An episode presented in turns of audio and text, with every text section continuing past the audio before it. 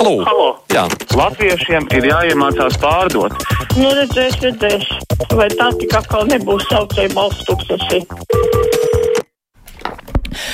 Tāruņa numuru mūsu studijā 6722, 888, 672, 559, elektroniskā pasta adrese ir kruspunktā at Latvijas radio.lv.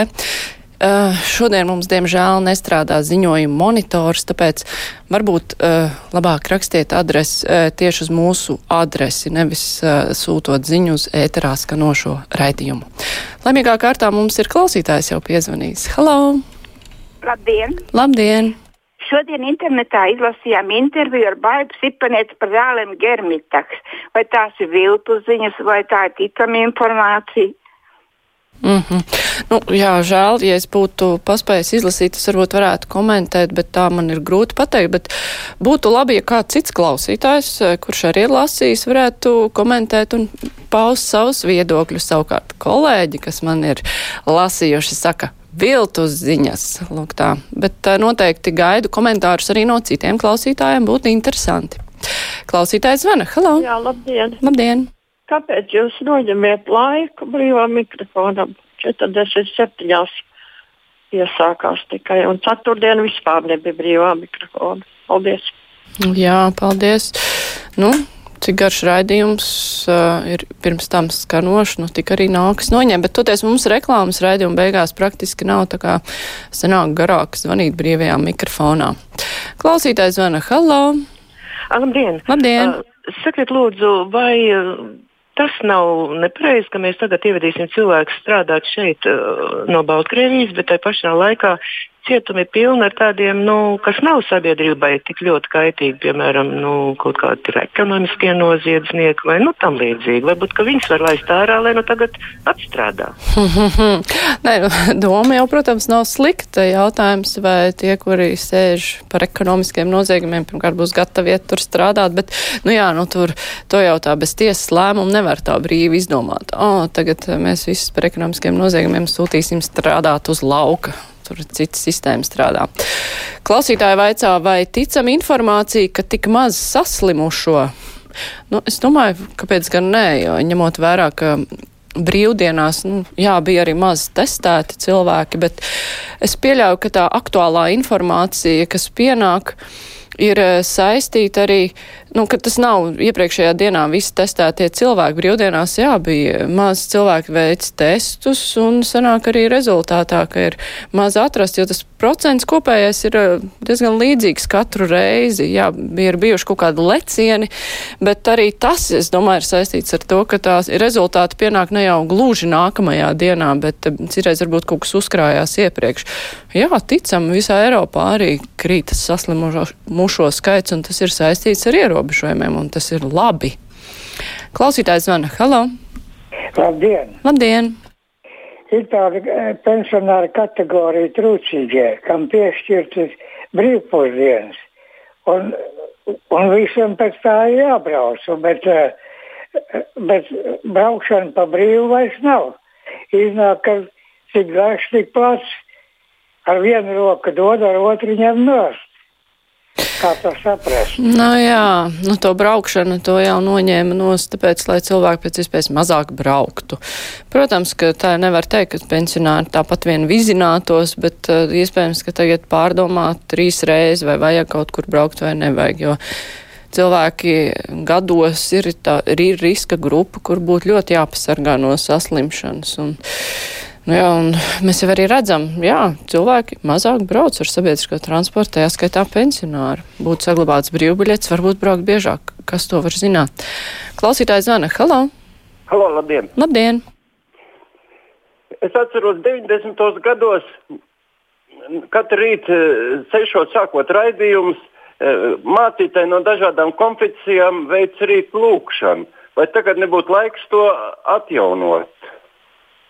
Hmm.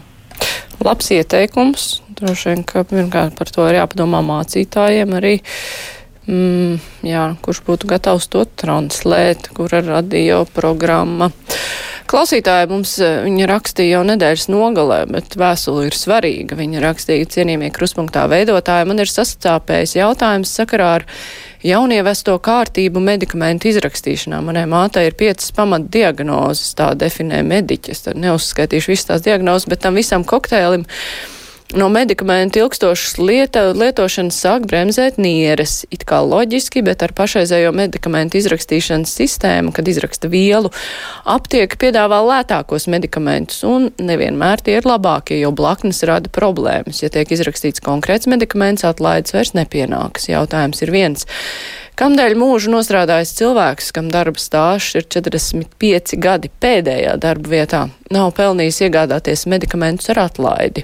Tos, kuri viņam reāli ļauj kvalitatīvi pavadīt dzīves nogali, vai tiešām tas ir darīts tā, lai cilvēki pensijas vecumā eksperimentē ar medikamentiem un ātrāk pamet šo pasauli cieņā Inta. Un viņi domā, ka šī sāpe nesatrauc tikai mani vienu. Tā ir taisnība Inta. Mums ir cilvēki daudzi rakstījuši par to, un, protams, ka trakākais ir jā, šiem cilvēkiem, kuriem um, tas medikamenti dārgākie ir jāpērk par savu naudu, ja viņiem nav neviens, kurš, kurš var palīdzēt, ja nav radinieki, kuri var samaksāt par to.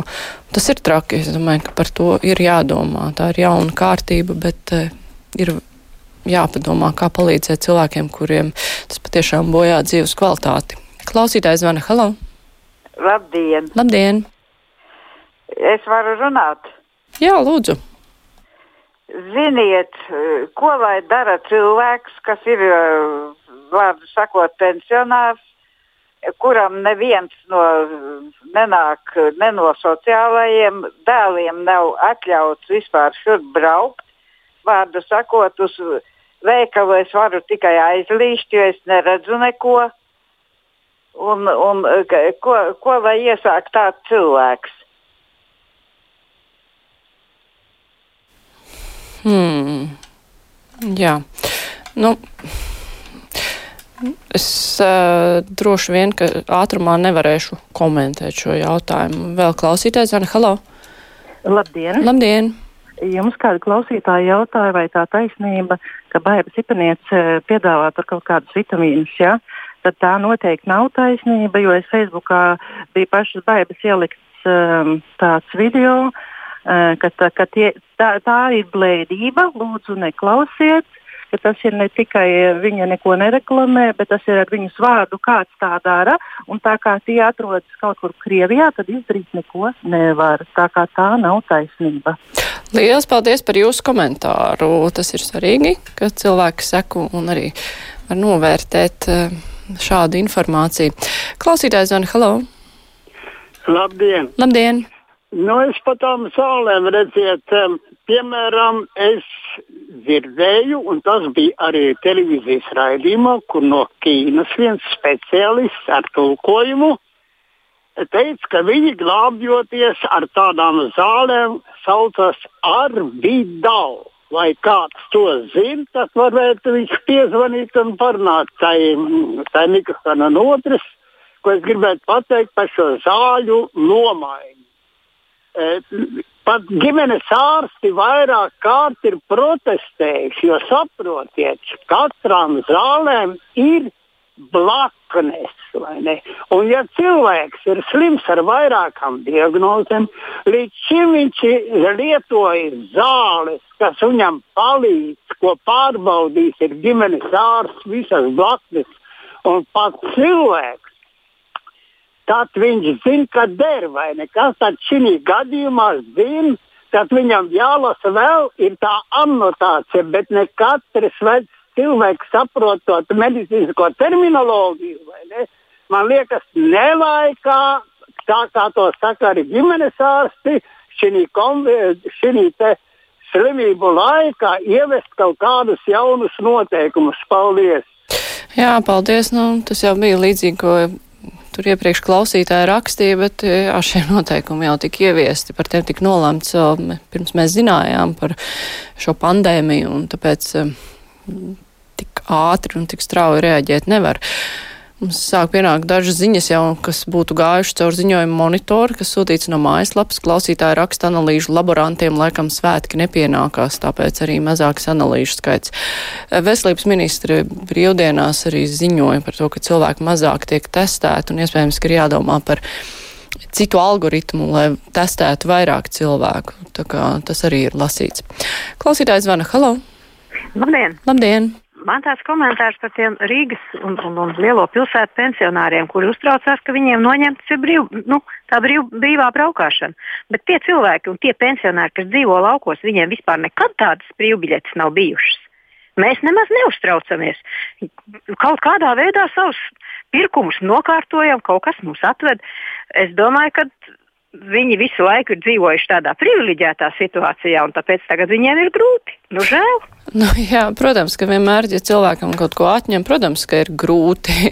grūti ir pie tā pierast, bet uh, skaidrs jau, ka par atlaižu politiku tāpat Rīgā būtu jādomā, jo uh, Rīgas satiksmes finanšu problēmas tāpat neviens nav atcēlis, un vien no, viens no tiem cēloņiem bija arī bija šī atlaižu politika, un kā rezultātā tikai ļoti maza daļa no um, braucējiem vispār maksāja par to. Tā, nu, vēl pēdējais zvans, ja varat ļoti ātri. Jā. Tieši tā. Es netaisiem izslēdzu Latvijas uh, radio vecās uh, radioaparātā MV viņas, kas bija agrāk, kur mēs polī klausījāmies. Un Krievu radiostacijā pateica tādu informāciju, ka Krievu institūts tiek uh, tagad taisot eksperimentu, kad lūk, asins plazmu pārslimojušam Covid slimniekam tiek pārlieta tam cilvēkam, kuram. Jā, nu, doma skaidra, bet, diemžēl, brīvais mikrofons cauri.